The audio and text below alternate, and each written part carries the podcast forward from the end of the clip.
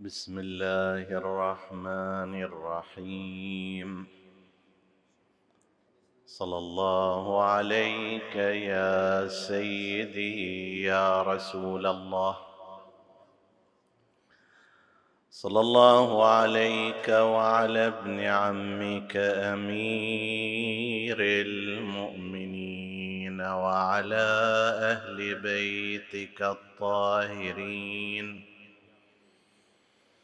صلى الله عليك يا سيدي يا أبا عبد الله الحسين.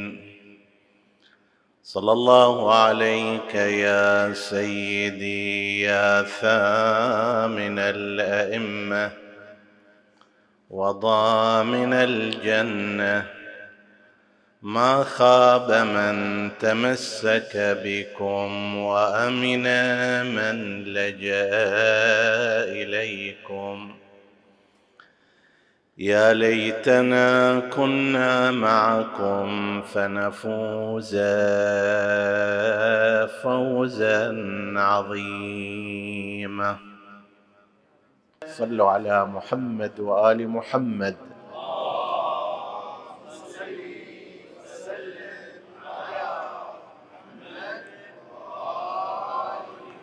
اللهم صل على محمد.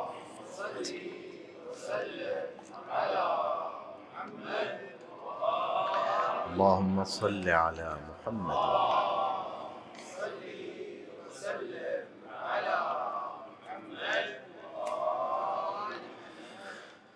حديثنا في هذه الليلة يتناول موضوع لماذا أقدم المأمون العباسي على تسميم الإمام الرضا عليه السلام واغتياله بالسم؟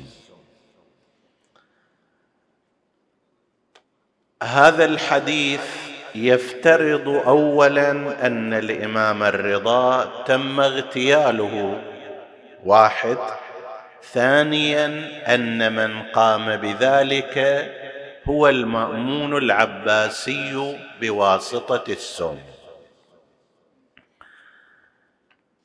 هل أن الإمام الرضا تم اغتياله على يد المأمون أو لا هو الرأي المشهور عند الإمامية وإن خالف في ذلك كثير من مؤرخي مدرسة الخلفاء وتبعهم في ذلك بعض علماء الإمامية أيضا.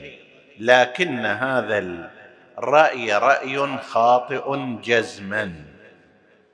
مثلا الطبري وابن الأثير عندما يأتون إلى تاريخ الإمام الرضا عليه السلام يقولون إنه بعد حديث عن سيرة حياته وولايته لعهد المأمون يوصل إلى أنه قال ويقال إنه أكثر من أكل العنب فمات.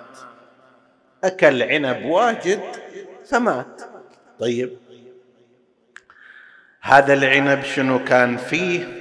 منو خلاه إله ماذا جرى؟ لا واحد قدامه. كم كيلو عنب؟ أكل منه ومات. قسم من علماء الإمامية كأنهم استبعدوا أن المأمون العباسي وهو الذي يظهر بلسانه الثناء على أمير المؤمنين عليه السلام. وقد ولى الإمام عليا الرضا ولاية العهد. كيف يمكن لهذا الرجل اللي يمدح الإمام أمير المؤمنين عليه السلام ويمدح الإمام الرضا ويوليه العهد؟ كيف يروح يسمه؟ ما يمكن هذا. سوف يتبين لنا أن هذا الرأي راي غير صحيح. أما اولا قضية الاغتيال بالسم فكان من أكثر طرق الاغتيال شيوعا عند سلاطين المسلمين الأمويين والعباسيين. أنا ما أريد أفصل لك في هذا وإلا هو نفس هذا. لو أردنا أن نعدد من اغتال ومن اغتيل بالسم في زمان الأمويين والعباسيين يحتاج إليه بمفرده عدة ليال. لكن أنا أجيبها أحصرها لك في فترة قصيرة جدا. زمان موسى الهادي وقبله المنصور العباسي والده أو جده زمان هارون العباسي وأخوه موسى الهادي في هذه الفترة بس وهي فترة قصيرة جدا.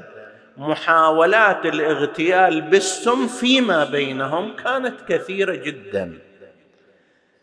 موسى الهادي وهو الأكبر اخ هارون الرشيد الأكبر حاول اغتيال هارون بالسم حتى يتخلص منه ويصير ولاية العهد إلى ابنه ابن موسى الهادي. في الطرف المقابل هارون نفسه كان يتآمر مع أم الهادي وهي أمه أيضا لأنها كانت تفضل هارون على موسى الهادي وكان موسى الهادي يمقتها كان يحاول هارون مع أمه أن يغتال موسى الهادي وأفلح في ذلك. لذلك موسى الهادي بس سنة وحوالي ثلاثة أشهر أربعة أشهر بس تولى الحكم ومات هكذا. نفس موسى الهادي أراد أن يغتال أمه بالسم. أمه التي أنجبته رسل إليها أكلة مسمومة. وقال لها أنا هذه استطيبت هذه الأكلة واريدش تاكلي منها. فجاءت لكي تأكل منها. إحدى جواريها قالت لها لا ليش تستعجلي هالشكل؟ أطعمي منها الكلب أول شيء.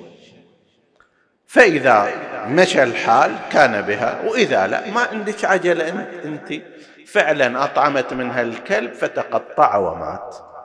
فلم تأكل منها. بعد ساعتين ثلاثة شافها على خير ما يرام. قال لها كيف كانت الأكلة؟ قالت له والله طيبة. قال لم تأكلي منها. ولو أكلت منها ما كنت تكلميني الآن. طيب. هذه أمه يحاول يغتالها. هي تحاول تغتاله. هو يحاول يغتال أخوه. أخوه يحاول اغتياله. اغتال وزيره الربيع رئيس الوزراء ماله؟ لأنه احتمل أن عنده ميول إلى أخيه هارون. قال خليني اصفيه وفعلا أعطاه أكلة ما وصل الليل اللي الا انتهى أمره. هذه في فترة جدا قصيرة وقريبة من زمان الإمام الرضا عليه السلام. طبعا بعد هارون اجى المأمون العباسي والأمين والأمين قتل الأمين حاول أن يزيح أخاه المأمون. المأمون جرد عليه الجيوش وقتلوه وجعلوا جثته أربع قطع خلوا على كل بوابة من بوابات بغداد قطعة. هذه في هالفتره هذه زين. هذه في إخوة في أبناء. واحد يتآمر على أمه لقتلها أمه تتآمر عليه لقتله وفعلا أفلحت. زين. هو يدز إليها اكله ارزه فيها سم ما أكلت منها. هي تحالفت مع ابنها الآخر الرشيد ودسوا إليه السم وأنهوا حياته. هذه في نفس هالفترة وهي من أسهل الطرق وفي ذاك الوقت ما يحتاج لا إلى تحليل ما أدري إلى ذهاب إلى المستشفى وانتظار نتائج التحليل الطبي وما شابه ذلك مات خلاص انتهى أمره. فلما يجي مثل المأمون مثلا ويغتال الإمام أو يجي هارون ويغتال الإمام الكاظم أو المنصور يغتال الإمام الصادق بالسم هذه كانت سيرة طبيعية مو شيء استثنائي أبدا. هذا بالنسبة إلى قضية الاغتيال بالسم زين هل فعلا المأمون اغتال الإمام الرضا عليه السلام أو لا؟ زين إحنا إما نجي نشوف الأوضاع العامة الأحداث ونحللها أو نروح وراء شهود عيان كانوا في تلك الفترة موجودين. بحمد الله أنه في تلك الفترة أحد أثبت الرواة وأوثق الرواة وهو أبو الصلت الهروي محمد بن عبد السلام الهروي الخراساني متوفى سنة 236 هجرية يعني بعد شهادة الإمام الرضا عليه السلام بحوالي 33 سنة وكان من خلص أصحاب الإمام الرضا عليه السلام. ومرافقيه وهذا الشيء الميزة اللي عنده أن عنده كتاب باسم وفاة الرضا. وفاة الإمام الرضا عليه السلام. نقل جانبا منه الشيخ الصدوق رضوان الله تعالى عليه. الشيخ الصدوق واحد من أعاظم علمائنا الإمامية. ذكرنا ذات ليلة أن الشيوخ الثلاثة الكبار أصحاب الكتب الأربعة شيخ الكليني ثم الشيخ الصدوق ثم شيخ الطائفة الطوسي. الشيخ الصدوق عنده كتاب من الكتب المهمة اسمه عيون أخبار الرضا. عيون أخبار الرضا يعني أهم الأحاديث التي نقلت في حياة الإمام الرضا عليه السلام. أهم الأحكام أهم القضايا. عيون الأشياء يعني الأشياء المهمة. لو أردنا أن نشبهها نقول مثلا الآن لما واحد يجي يقرأ نشرة الأخبار يقول أول شيء وإليكم أهم أنباء هذه النشرة. عيون الأخبار هو من هذا القبيل وهو مجلدان ضخام. وهذا مما ذكرنا في بعض المحاضرات مما يشير إلى لماذا سمي الإمام الرضا عليه السلام بعالم آل محمد.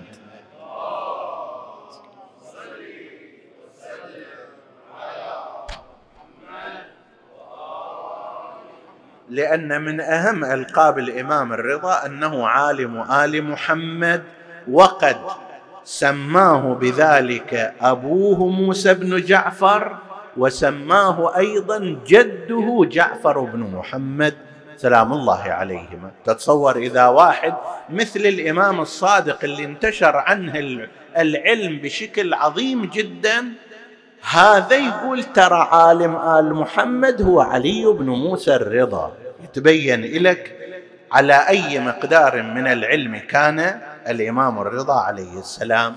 وهذا حديث خاص ذكرناه في بعض الأماكن بعنوان الجانب العلمي في حياة الإمام الرضا عليه السلام. المهم في كتاب عيون أخبار الرضا ينقل عن أبي الصلت الهروي هذا محمد ابن عبد السلام.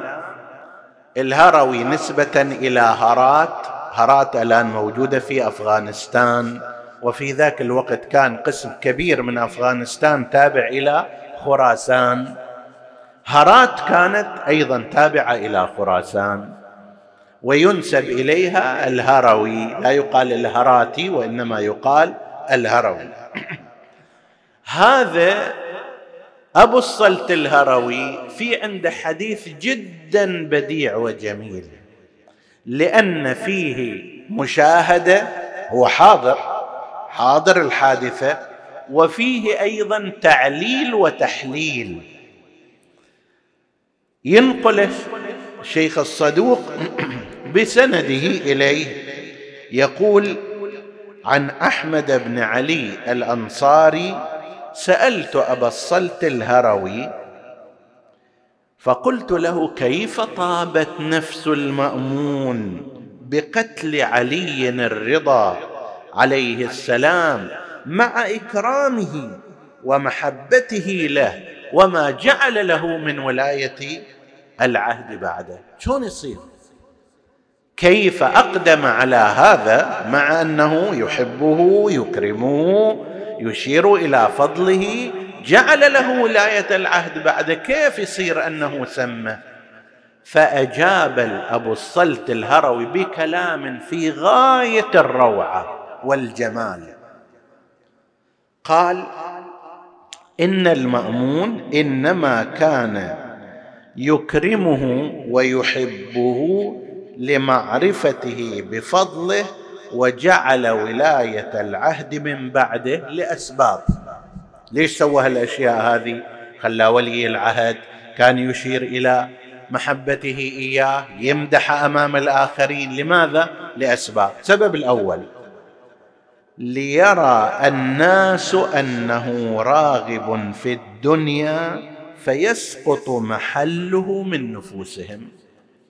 لما يجيب إلى ولاية العهد طبيعي راح يصير عنده جواري ويصير عنده أكلات ويصير عنده قصر ويصير عنده تنعم وبالتالي يتنعم في هالأشياء. طيب الآن ما دام هو ما عنده هذه الأمور فيظهر للناس بأنه زاهد وبأنه معرض عن الدنيا وبأنه متوجه إلى الله عز وجل أما إذا صار في وسط هذه الدنيا وتمرغ فيها وأكل من تلك الأكلات السلطانية ولبس من تلك الملابس الفاخرة والفخمة وركب تلك المراكب الفارهة راح يقول المأمون للناس تفضلوا هذا اللي يقولون اتركوا الدنيا والآخرة أحسن وازهدوا فيها.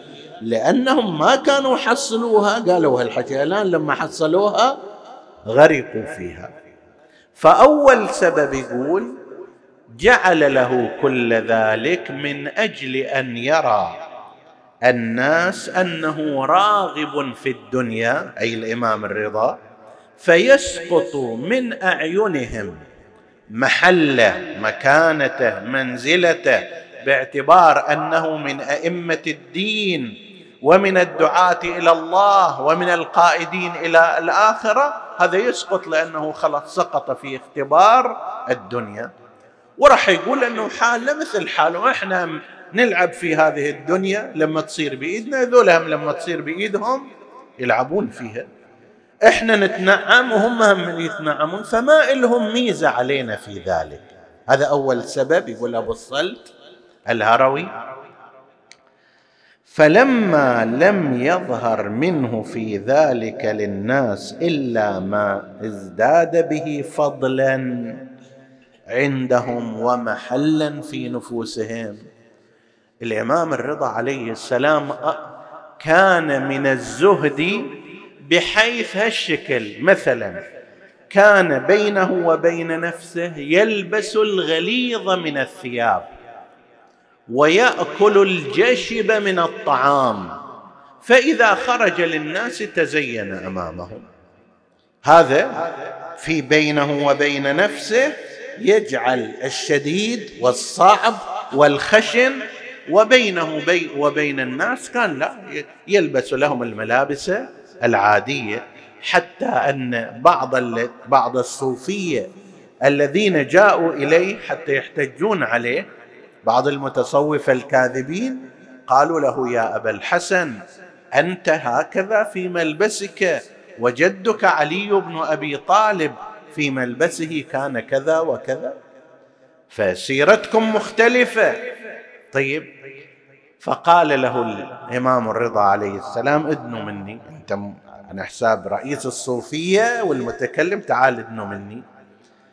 فكشف له عن ملابسه. هذا اللباس الخارجي الرداء نعم للناس.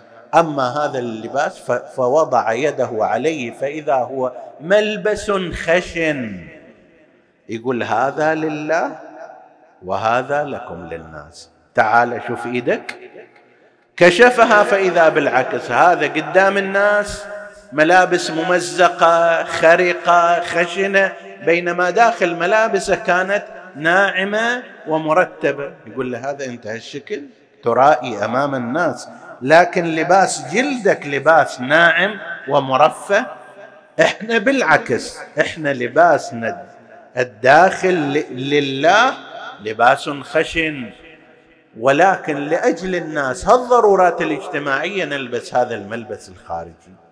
وفي أكله في أكله أكو رواية جدا غريبة. أن الإمام الرضا عليه السلام اشتهى ذات يوم كبدا مشوية. كبدة مشوية. هاي اللي أك... الآن أكثر الناس أقل الناس إمكانية مالية كان يستطيع أن يأكل هذا. بل حتى في ذاك الوقت فاشتهى شهوة. شوف هذا اللي يشتهي شهوة مو يعني كل يوم يأكلها يعني فد فترة طويلة ربما لم يتذوقها فالخدم اللي معاه ارتاحوا وقالوا زين الآن الإمام الرضا راح يأكل أكلة ووجبة مثلا جيدة ولذيذة وإلى آخره. فذهبوا وجاءوا بها إليه. فلما قدموها إليه وجدها فإذا هي ذات رائحة طيبة ومذاق واضح أنه مذاق حسن. طيب فنظر إليها قليلا وقال والله إني أحبها ولكن الله قد قال لن تنالوا البر حتى تنفقوا مما تحبون ارفعوها إلى بيت فلان الفقير. يكل منها شيء؟ قال لا هذا من الإنفاق مما نحب ودوها إليه. زين مثل هذه المظاهر والوقائع وأمثال ذلك حببت الناس أكثر إليه. شافوا الناس أنه الإمام الرضا لم يتغير عليه شيء لم يغو بالدنيا لم ينسق وراء شهواتها ولم ينزل إلى مستوى الدنيا بل كان يصر على أنه إذا كانت وجبة وهو في منزله أن يحضر معه كل الخدم والعبيد كلهم لازم يجلسون معه ويأكلون معه بل كان يقوم على رؤوسهم ويخدمهم. حتى قال له بعضهم في ذلك فقال إن الرب واحد والأب واحد أنا وهم نفس الشيء. وهذا كان يعتبر من الكبائر في عرف تلك الطبقة السياسية والرسمية والسلطانية. فالإمام الرضا عليه السلام من هذا وأمثاله بين إلى المأمون وإلى عامة الناس بأن قماشتهم واحدة إن كانوا في السلطة وإن كانوا خارج السلطة لأنهم متعلق لأنهم متعلقون بالله سبحانه وتعالى. فيقول أول غرض من أغراض المأمون يقول أبو الصلت أول غرض من أغراض المأمون لتقريب الإمام الرضا وتكريمه واحترامه وغير ذلك وولاية العهد من أجل أن يبين للناس أن هذا اللي أنتم رايحين وراه هذا مو صادق يظهر الزهد لأنه ما محصل الدنيا. فإذا حصل الدنيا راح ينزلق فيها. شافوا الناس أنه لا لم يتغير شيء أبدا. ماذا صنع؟ يقول لما رأى ذلك جت الخطة الثانية كما ينقل أبو الصلت. فلما لم يظهر منه في ذلك للناس إلا ما ازداد به فضلا عندهم ومحلا في نفوسهم جت الخطة الثانية والخطوة الثانية قال جلب عليه المتكلمين من البلدان طمعا في أن يقطعه واحد منهم فيسقط محله عند العلماء وبسببهم يشتهر نقصه عند العامه المأمون الخطوة الثانية ماذا صنع؟ سوى مؤتمر عالمي. دعا إليه رأس الكاثوليك رأس الجاثليق كما يقولون في التعبير القديم. ورأس الجالوت يعني رئيس الطائفة اليهودية. والهربذ الأكبر رئيس المجوس. وعمران الصابئي وهو رئيس الصابئة. وبالإضافة إلى ذلك الملاحدة وأصحاب المقالات العقلية الفلاسفة تعالوا عندنا مؤتمر وعندنا مجلس حوار. لما اجتمعوا الرواية هكذا تقول فلما اجتمعوا عنده أرسل خلف الإمام الرضا عليه السلام وقال له ترى الرسول قال له إن المأمون ينتظرك وقد حضر عنده العلماء وهو يريدك المصير إليه فورا. اللي عند الإمام الرضا عليه السلام يسمى بالحسين النوفلي وهو من أهل العراق. فقال للإمام الرضا للحسين النوفلي ماذا ترى في ذلك؟ فقال ما دام هذا يقول أن العلماء موجودين وارباب الملل حاضرين. هذا يريد يخليك تروح هناك ويصير نقاش. قسم من هؤلاء ما يعترفون بأدلتك. مثلا لما تقول القرآن يقول لك هالشكل ذاك المسيح يقول أنا لا أعرف عن القرآن شيء. جاوبني على كتابي وديني. ذاك اللي أصلا ما عنده ديانة من الفلاسفة ما عنده بعد قال الله وقال رسول الله وقال الإنجيل وقالت التوراة وقال القرآن فيريدك تجاوبه على أجوبة هالشكل. فقال بلى كلامك صحيح ولكن أتريد أن تعرف متى يندم المأمون؟ قال متى يندم؟ قال عندما يراني أجيب أهل التوراة بتوراتهم. وأجيب أهل الإنجيل بإنجيلهم وأجيب أهل الزبور بزبورهم وأجيب أهل العقول بعقولهم وبراهينهم وأنتصر عليهم جميعا عندئذ يندم المأمون. وبالفعل هكذا صار الإمام الرضا قام ويا نفس الوقت وراح وسوى هذه الجلسة أول ما بدأ عمران الصابئي. فأخذ يسأل الإمام هذا إذا واحد يريد يطالع هاي المناظرات حوالي 19 مناظرة تعرض إليها المرحوم الشيخ باقر شريف القرشي في كتابه حياة الإمام علي بن موسى الرضا. قسم منها هذا يقول لك بدأ مع عمران الصابئي وذاك يسأل والإمام يجيب ذاك يسأل والإمام يجيب إلى أن صار وقت الأذان. فوصل عمران الصابئي إلى أنه يريد أن يتشهد الشهادتين. الإمام الرضا عليه السلام قال له هذا الأذان قد قام نقوم نصلي. قال له عمران الله الله في يا ابن رسول الله قلبي لأن أدلتي انتهت دقائق وأنا أسلم. قال لا لا ما دام وقت الصلاة حان نقوم نصلي هذا نداء الله عز وجل ثم نستمر في الحديث. وهذا في الواقع يبين لنا مقدار احترام الإمام لأول الوقت.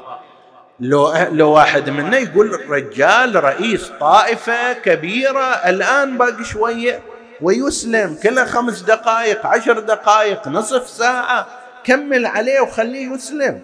ويسلم من بعده يقول لك لا هذا هذا النداء مو نداء فلان هذا نداء الله. عز وجل عندما يقول لك حي على الصلاة حي على الفلاح. هذا في الواقع هو نداء الله إليك.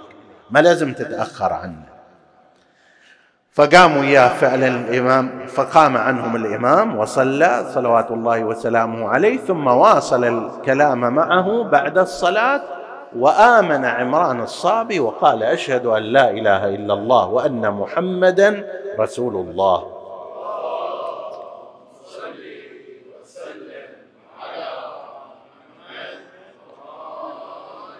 اجى راس اليهود أيضا نفس الشيء.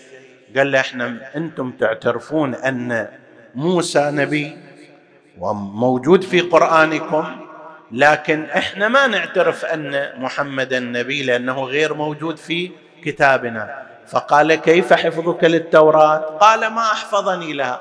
قال اقرأ معي في السفر كذا من الآية كذا وبدأ يقرأ بلغتهم الأصلية. وسقط ذلك على وجهه لأن برهانه انتهى. ونفس الكلام في الإنجيل وهكذا. فما قام الإمام عليه السلام من ذلك المجلس إلا وقد أقر له الحاضرون وغيرهم بأنه أعلم من على وجه الأرض. زين هذا بالنسبة إلى المأمون ندامة. ليش؟ لأنه هو كان جايب الإمام حتى واحد يقطعه حتى واحد يشكل عليه حتى سؤال يتعثر فيه. ما يقدر يجاوبه ثم ينتشر. ترى الإمام الرضا ما قدر يجاوب على جو... على سؤال ذلك الملحد على ذلك الفيلسوف على ذلك المسيحي على ذلك اليهودي. أي واحد أي سؤال لو يتعثر فيه راح ينشر هذا. ولم يحصل هذا وإنما حصل العكس. فيقول أبو الصلت الهروي وهو عندنا ثقة بلا ريب وإمامي في تشيعه في الدرجة العالية بل حتى عند حتى عند مدرسة الخلفاء إلا بعض المتعصبين منهم يقولون هو صدوق موثوق الحديث. بعضهم يقول هذا عنده أحاديث صعبة تتصدق في فضائل علي وفاطمة. طبعا صعبة تتصدق عندهم صعبة عليهم. طيب لذلك ضعفه بعضهم. مثل واحد يقال له أبو زرعة وهو من المتعصبين جدا في هذا الشأن يقول لا أحدث عنه ولا أستحل ذلك. إذا يشوف أحاديث في فضل أمير المؤمنين وفاطمة الزهراء وسائر الأئمة من أنواع اللي تعكر عليه مزاجه طبيعي لا يستطيع أن يروي عنه. فهاي الخطوة الثانية سواها المأمون وهو أنه بعد ما حاول أن يشوه سمعة الإمام الرضا في قضية الدنيا والرئاسة والسلطة والشهوات وفشل. راح وراء خطوة ثانية وهي أن يجيب أناس من خارج الدائرة الإسلامية ويتحدون الإمام الرضا عليه السلام بالأسئلة والمناقشات والمناظرات. هذه أيضا أظهرت فضل الإمام الرضا عليه السلام على خلاف ما أراد المأمون. اجى إلى الخطوة الثانية ويقول وكان الناس يقولون والله إنه أولى بالخلافة من المأمون وكان أصحاب الأخبار يرفعون إليه ذلك فيغتاظ من ذلك ويشتد حسده له. لما يشوف الناس أن الإمام الرضا في سيرته العملية والأخلاقية والعلمية والعبادية بهذا النحو أنا أقرأ لك نص واحد مما نقل في أحواله وشؤونه. قال أحدهم سمعت إبراهيم بن العباس يقول ما رأيت الرضا؟ سئل عن شيء قط إلا علمه ولا رأيت أعلم منه بما كان في الزمان إلى وقته وعصره. وكان المأمون يمتحنه عن كل شيء فيجيب عليه. وكان كلامه كله وجوابه تمث وتمثله انتزاعات من القرآن الكريم. هذا الجانب العلمي والجانب العملي والأخلاقي يقول وما رأيت أبا الحسن الرضا جفى أحدا بكلامه قط. وما رفع على أحد صوته قط وما قطع على أحد كلامه حتى يفرغ منه وما رد أحدا في حاجة يقدر على عليها ولا مد رجليه بين يدي جليس قط ولا اتكأ بين يدي جليش بين يدي جليس ولا رأيته شتم أحدا من مواليه ومماليكه ولا رأيته يقهقه في ضحكه بل كان ضحكه التبسم وكان إذا خلا ونصبت مائدته أجلس على مائدته مماليكه حتى البواب والسائس. وكان عليه السلام قليل النوم بالليل كثير السهر يحيي أكثر لياليه من أولها إلى الصباح وكان كثير الصيام فلا يفوته صوم ثلاثة أيام في الشهر إلى آخر ما ذكر. زين. مثل هذه هذا انطباع واحد من عامة الناس. سائر الناس أيضا كانوا يرون هذا في الإمام الرضا وبطبيعة الحال يتحدثون أن هذا أفضل وهذا أحسن علما وعملا خلقا وسلوكا وهو إلى ذلك أيضا حفيد رسول الله صلى الله عليه وآله فكان يصل ذلك إلى المأمون. هذا أمر ثالث. وأمر رابع يقول إن الإمام الرضا لم يكن يجامل المأمون في المخالفات الشرعية. أول يوم اللي إجوا أرادوا أن يسلموا بالبيعة. المأمون جلس على كرسي وأجلس إلى جانبه دونه الإمام الرضا وطلب من الناس يجددون البيعه اليه ويسلمون على الإمام الرضا بولاية العهد. فإجا وسلم على الأول الثاني إجا وسلم عليه الثالث سلم عليه. وهكذا إلى آخر الناس آخر واحد إجا سلم على الإمام الرضا بكيفية خاصة ومسح يده بنحو خاص. فقال كل أولئك لم يبايعوا عدا هذا الشخص. فوصل هذا الكلام إنه كيف يعني؟ ثم تساءلوا هذا المأمون اللي قدام الناس ما يدري كيفية البيعه والسلام ومسح اليد على اليد الأخرى كيف يستحق أن يكون خليفة؟ بعضهم قال لازم نعيد من جديد بعضهم قال نبدل بعضهم قال كذا فصار هرج ومرج.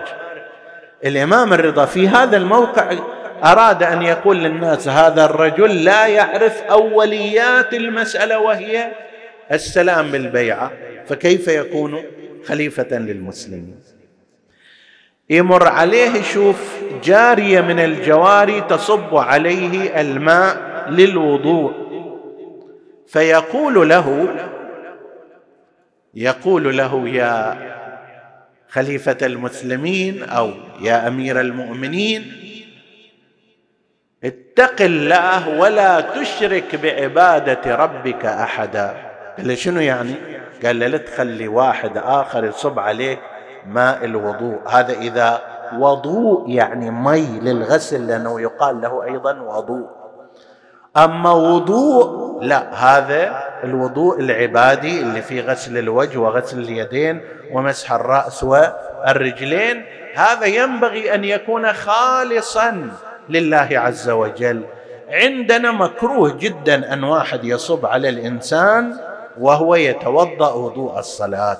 طيب هذا يقولون من المقدمات غير القريبة. ولذلك الفتوى فيه هي فتوى بالكراهة. الامام الرضا عليه السلام أراد أن يقول أنت حتى هالمقدار من الأحكام ما تعرف وما تفهم المكروه والمستحب والواجب في أمر عبادي وفي وضوء يمارس كل يوم. فكان لذلك يقول أبو الصلت الهروي الإمام الرضا كان ينصحه يأمره بالمعروف ينهاه عن المنكر يبين له خطأه. طيب ولا يجامله في ذلك. فهذا مما زاد في حنق المأمون على الإمام الرضا عليه السلام. هل أربعة أسباب؟ أبو الصلت الهروي وهو راو كثير الرواية موثوق الرواية من خلص أصحاب الإمام الرضا عليه السلام وله كتاب في وفاة الإمام الرضا تفاصيل وفاة الإمام الرضا تنقل عن أبي الصلت الهروي وهو أيضا معتمد عند أكثر علماء المدرسة الأخرى لكن يصفونه بأنه شديد التشيع وبأن عنده أحاديث مثلا صعب قبولها فيما يرتبط بالفضائل. طيب لكن أنه صدوق صدوق. طيب هذا الرجل يقول هل أربعة أسباب أدت بالمأمون العباسي إلى أن يعمل الحيلة في قتل إمامنا علي بن موسى الرضا سلام الله عليه. شاف أن هذا الرجل لم ينتفع المأمون من بيعة الإمام بولاية العهد أي فائدة لأنه كان يريد يخليه مثل إضفاء الشرعية. يقول ترى كل شيء تحت إيد علي بن موسى الرضا. عزلنا هذا بواسطته نصبنا ذاك بواسطته. قمنا بهالعمل. الإمام الرضا من أول يوم اشترط على أنه لا يولي ولا يعزل ولا يدخل في أمر ففوت عليه هذا. في المقابل أيضا استفاد من تلك الفرصة في أنه نشر علوم أهل البيت عليهم السلام في البلاط العباسي. يعني لو ك... لو كنا نريد نسوي شيء لإظهار فضل الإمام الرضا إيش قد لازم نشتغل عليه حتى نجيب الناس من كل العالم نبين إليهم فضل الإمام الرضا؟ يحتاج جهد كبيره هذه كلها سواها المأمون لإحراج الإمام الرضا بينما انقلبت عليه في أنها أظهرت فضل الإمام ونشرت علمه بين الناس. لذلك شاف أنه ما عنده طريق إلا أن يتخلص من إمامنا صلوات الله وسلامه عليه. وهو ختم الدرس من أبيه هارون كيف تخلص من موسى الهادي؟ وختم الدرس من جده المنصور كيف تخلص من الإمام الصادق؟ وهكذا كما عرضنا قبل في أول المجلس عن أن قضية الاغتيال بالسم كان امرا طبيعيا عندهم فهذه أيضا هي طريقة من الطرق التي يستطيع فيها التخلص من الإمام عليه السلام.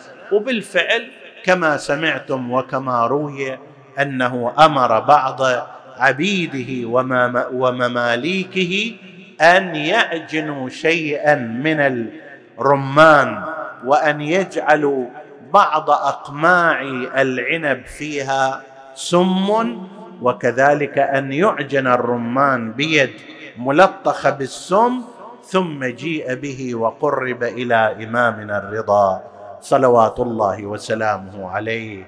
الإمام الرضا في ذلك الوقت في أحسن الفروض كان عمره نحو خمسة وخمسين سنة وقيل دون ذلك يعني مو الوقت الاعتيادي لأن يموت الإنسان من غير مسبب من غير سبب واضح فكان ذلك السبب هو إقدام هذا الأثيم اللعين على تسميمه صلوات الله وسلامه عليه. فقد دعاه ذات يوم في مثل هذا اليوم إلى ديوانه إلى بلاطه وقدم إليه ذلك الطعام المسموم. فأخذه إمامكم صلوات الله وسلامه عليه فلما تجرعه هذا الإمام العظيم جرى السم في أحشائه وأوغل في بدنه ايوا اماماه وسيدا عندها خرج الامام يقول أبو الصلت الهروي لما رأيت الإمام على هذه الحاله علمت أن البلاء قد حل ونزل. فصحت وناديت واماماه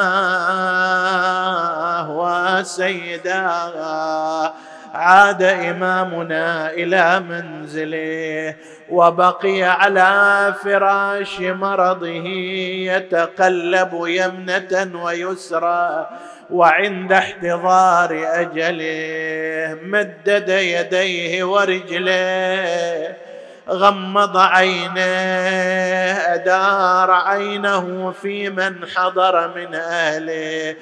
وعرق جبين الإمام وسكن أنينه. وفاضت روحه الطاهرة. أين المنادي وإمامه؟ وسيداه وابن رسول الله باشر إمامنا الجواد في تجهيزه وكان سائر الناس في ضجة خارج منزله كل يلطم على رأسه وينادي وعليا واصبحت طولس بزلازل والخلق كلها بعوي. لجل أبو محمد تزلزل يا خلق عرش الجلي والأعلام السود ما شورى ومدامعهم تسير اهتزت السبع العلية وبالأرض صار انقلاب. وإماما قام أبو جعفر يجهزه والدمع منه هما. مدد على المغتسل والماء يجاه من السماء. وبالطفوف حسين وحسينا وبالطفوف حسين جدايا تغسل بفيض الدماء والكفن سافي يا عريان مسلوب الثياب. كأني بزينب وهي تعاين تلك الحالة. واخوى الحسين سلام الله عليه بدل تجهيزه ترده حوافر الخيل. كأني بها ناديت عاد عاد اليموت يجي هدف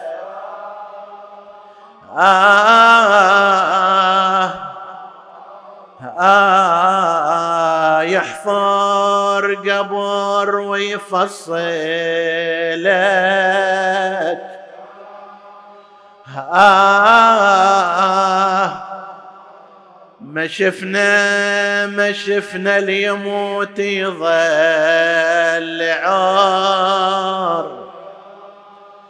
آه وتلعب تلعب عليه الخيل ميدان. فأي شهيد انداست الخيل صدره وفرسانها من ذكره تتجمد ولو علمت تلك الخيول كأهلها بأن الذي تحت السنابك أحمى. نسألك اللهم وندعوك باسمك العظيم الأعظم الأعز الأجل الأكرم يا الله. اغفر لنا ذنوبنا كفر عنا سيئاتنا. آمنا في أوطاننا لا تسلط علينا من لا يخافك ولا يرحمنا. ولا تفرق بيننا وبين محمد وآله طرفة عين. فض اللهم إخواني السامعين فردا فردا واقض حوائجهم. اشف اللهم مرضاهم لا سيما المرضى المنظورين ومن أوصانا بالدعاء. وادفع اللهم هذا الوباء والبلاء عن عبادك يا رب العالمين. تقبل اللهم عمل المؤسسين بأحسن القبول إلى أرواح موتاهم وموتى السامعين ولا سيما إلى أرواح هذه العوائل. إلى عائلة الدعبل والأبيض والعقيلي وآل سيف والماء وإلى روح الحاج عبد الحسين آل إسماعيل ولجميع موتى المؤمنين والمؤمنات. نهدي ثواب الفاتحة تسبقها الصلوات.